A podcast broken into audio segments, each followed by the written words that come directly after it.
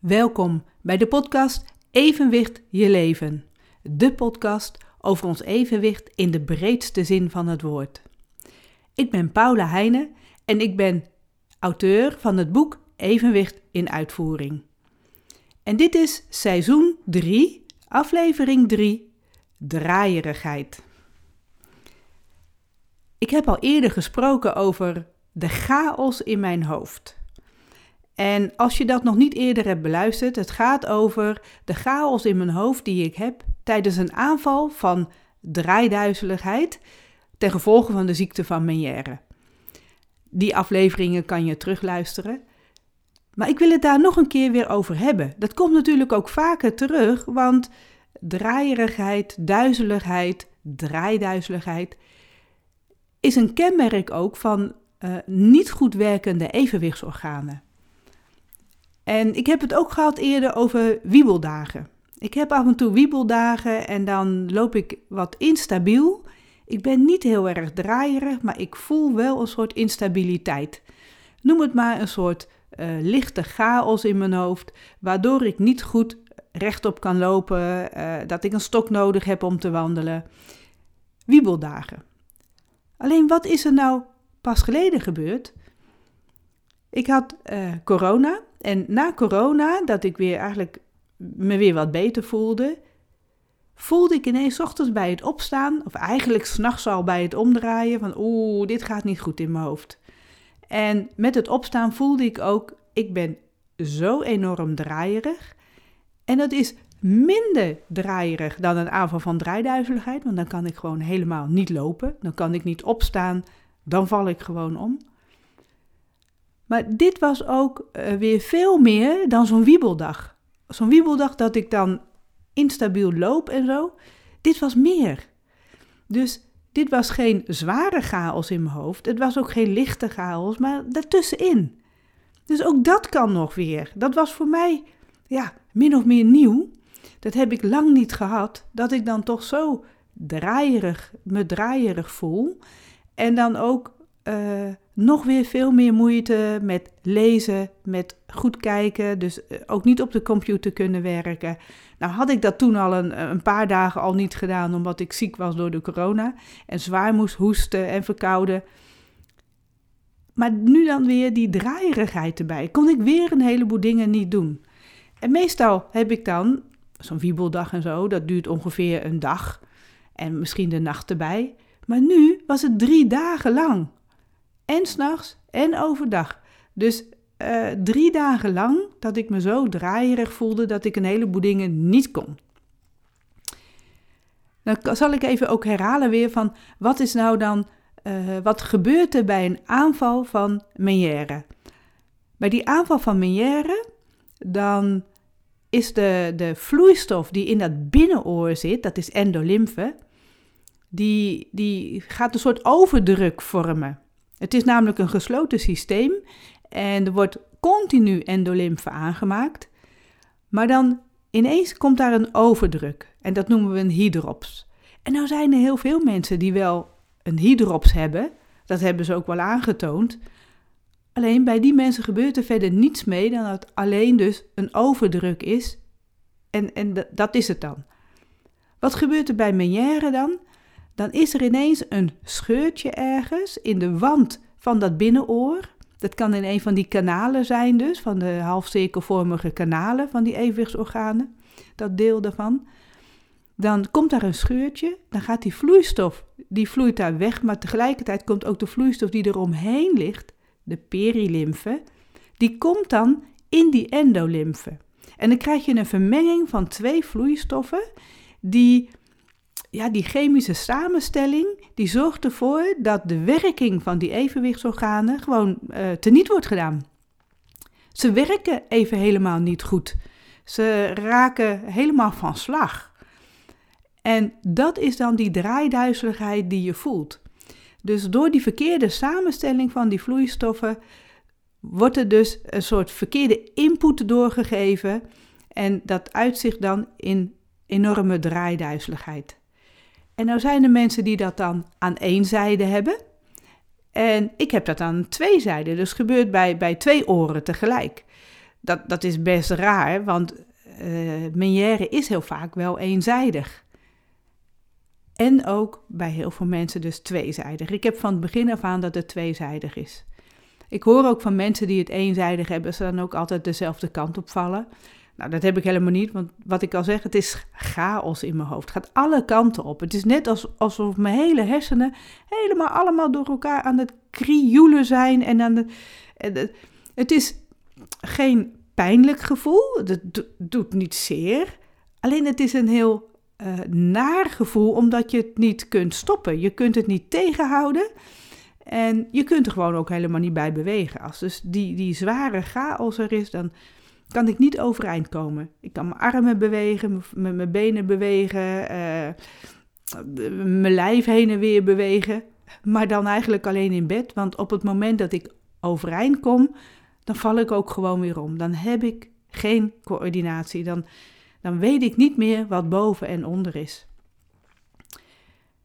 Alleen nu die. Dat, dat is dan echt tijdens zo'n zware aanval. En die zware aanvallen, er zijn mensen die hebben dat eh, 20 minuten lang en dan stopt dat weer. Er zijn mensen die dat een, uh, een uur hebben of een paar uur. Mijn zware aanvallen waren echt uh, meerdere uren. En dan wordt er altijd gezegd dat kan maximaal maar 12 uur zijn. Maar ik zeg altijd: vergeet ook niet dat je de nacht erbij moet tellen. Want ook in de nacht kun je nog steeds die aanval hebben. Of dat die begint in de nacht. Dus dan kan het makkelijk 24 uur worden. En dat is het ongeveer bij mij steeds geweest. Het was altijd een, een dag en een nacht. En dan de volgende dag was het dan weer een stuk minder. En dan bleef het dus dat wiebelige, dat, dat die draaierigheid zoals ik hem nu heb, dat, die bleef dan nog een paar dagen hangen. Maar dat was altijd als gevolg van zo'n zware aanval. Nu heb ik dus die draaierigheid zonder zo'n hele zware aanval te hebben gehad. En nu duurt het dan ook veel langer. En dat is best gek, want bij mij is het allemaal beschadigd en, en toch hou ik dan dat het, dat het draaierig blijft. En dat is dan ook weer wel ook duidelijk dat die evenwichtsorganen niet helemaal uitgevallen zijn. Want anders zou ik die draaierigheid en duizeligheid helemaal niet meer voelen. Dan komt er helemaal geen informatie meer door, dus die informatie krijg je al niet. Dus bij mij is het een beschadiging ten gevolge van die zware aanvallen. En dat betekent dat de werking niet helemaal meer optimaal is. En dat betekent ook dat ik af en toe toch nog steeds die draaierigheid heb. Het zou kunnen dat daarom ook dat het niet meer die hele zware aanvallen zijn. Om, ja, of, ja, dat heeft natuurlijk weer te maken met die overdruk. Want ik vraag me af, mijn gewone, die, die draaierigheid zoals ik hem nu had. Volgens mij is daar niet die overdruk bij en is er niet een vermenging van vloeistoffen. Want dan zou ik helemaal uitvallen op dat moment. En dat gebeurt er niet. Ik ben dus dat ik instabiel ben en, en dat ook in mijn hoofd voel en uh, me vast moet houden, overal een beetje steun moet zoeken. En als ik loop zonder steun, dat ik heel goed focus van waar wil ik naartoe, goed mijn voeten voelen, voelen waar ik mijn voeten neerzet, blijven kijken. En dan lukt het nog om nog in huis te blijven bewegen. Wat het verschil is wat ik heb en wat heel veel andere mensen hebben met de ziekte van Meniere is dat heel veel mensen moeten daar enorm bij braken. Dat is een bekend gegeven bij de ziekte van Meniere. Alleen, ik hoef er niet bij te braken. Ik ben wel misselijk, maar ik hoef niet te braken. En daar heb ik wel eens eerder over nagedacht. Denk, hoe, hoe kan dat dan? En wat ik bedacht had, is eigenlijk, en ik heb het wel eens neergelegd bij de, bij de KNO-artsen, die ook het boek mee hebben geschreven, maar die kunnen daar ook het antwoord niet op geven. Ik heb het vermoeden dat het kan zijn dat die verbinding tussen die evenwichtsorganen en, en eigenlijk de input die komt van de evenwichtsorganen en uh, het braakcentrum, dus eigenlijk via de zenuwen, uh, de evenwichtszenuwen, komt al die informatie binnen tegelijkertijd met alle, uh, het gehoor, met het geluid, komt allemaal in dezelfde zenuw binnen, in de, zenuw, in de hersenstam. En die heeft een verbinding naar het uh, braakcentrum, naar dus de maag en zo. En het zou kunnen dat dat genetisch bij mij helemaal niet zo goed is aangelegd. Die verbinding tussen die evenwichtszenuwen en dat braakcentrum. En dat ik daardoor, als dat dan misgaat en er komt verkeerde input binnen, dat omdat die verbinding er niet is, die aanleg er niet is, hoef ik niet te braken. Of dat is al uh, vrij snel in het begin beschadigd tijdens al die zware aanvallen van, van Meniere. Nou moet ik zeggen, ik heb van het begin af aan nooit hoeven braken. Dus die beschadiging, dat dat opgelopen is ergens in die hersenstam, die, die, die verbinding tussen de evenwichtsorgaan of de evenwichtszenuw naar het braakcentrum. Als dat beschadigd is tijdens die aanvallen, is dat wel gek, want dan had ik het van begin af aan al moeten hebben. Of komt het, en dat is een ander idee van mij, omdat ik aan twee zijden die meniere heb. Dus dan komt er van twee kanten altijd diezelfde verkeerde input binnen tijdens zo'n zware aanval. En omdat er dan tegelijkertijd binnenkomt, dat het dan toch weer een soort evenwichtigheid is. En dat daardoor die uh, verbinding naar het braakcentrum anders verloopt, zodat het eigenlijk alleen maar een beetje misselijkheid is, maar niet dus dat het tot braken leidt. Dat vraag ik me nog steeds af en ik heb het ook wel eens aan allerlei mensen gevraagd en ik kom er nog steeds niet achter of mensen met tweezijdige meniere minder hoeven te braken of niet hoeven te braken en dat dat veel vaker gebeurt bij de mensen die het aan één zijde hebben. Ik kan het dus ook nergens vinden.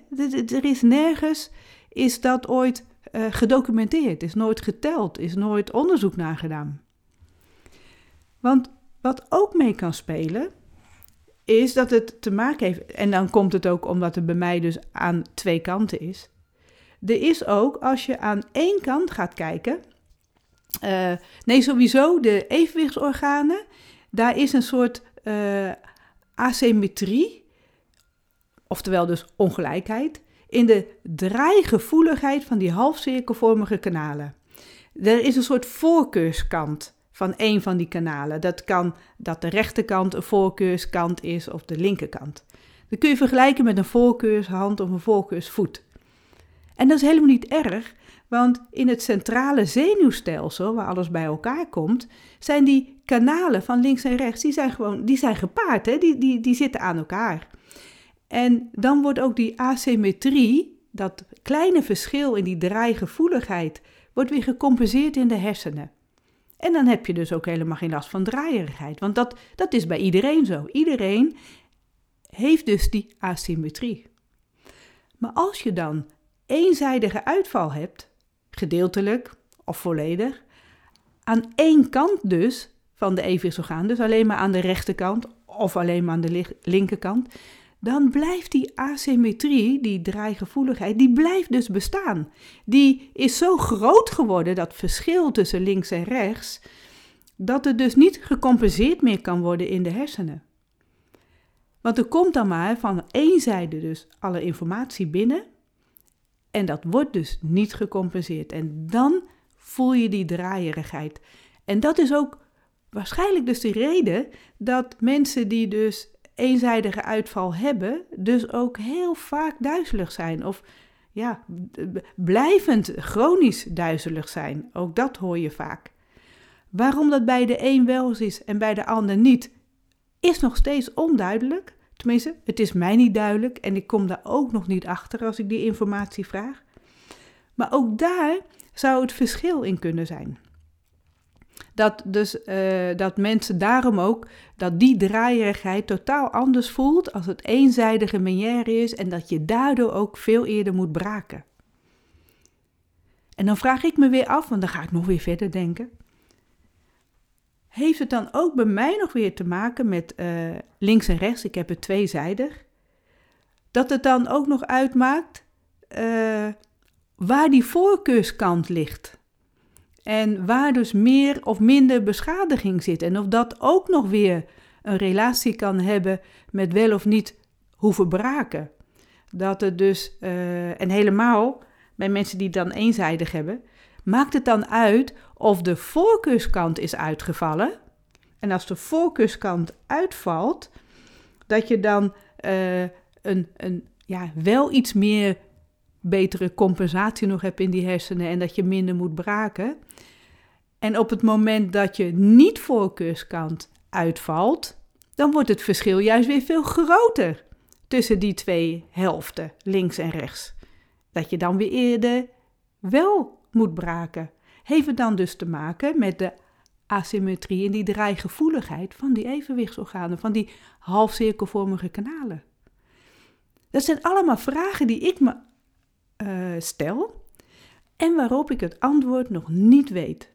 En ik denk dat ik deze vragen nog een keer ga stellen in, uh, in de Facebookgroep of zo. En dan moet ik hem heel duidelijk gaan stellen. En dan ook in verschillende uh, vragen. Zodat ik daar eens vanuit die groep mensen die, die actief zijn in die Facebookgroep. Kijk of ik daar dan de input van kan krijgen. En dat ik hier misschien een klein beetje antwoord op kan krijgen. Want ik heb zelf die ideeën hier wel over wat allemaal mogelijk is. Maar we kunnen het verder nergens vinden. Het zou ook een heel interessant onderzoek kunnen zijn, alleen weet ik niet of je er heel veel mee kan. Uh, als je het eenmaal weet. Want de draaierigheid blijft.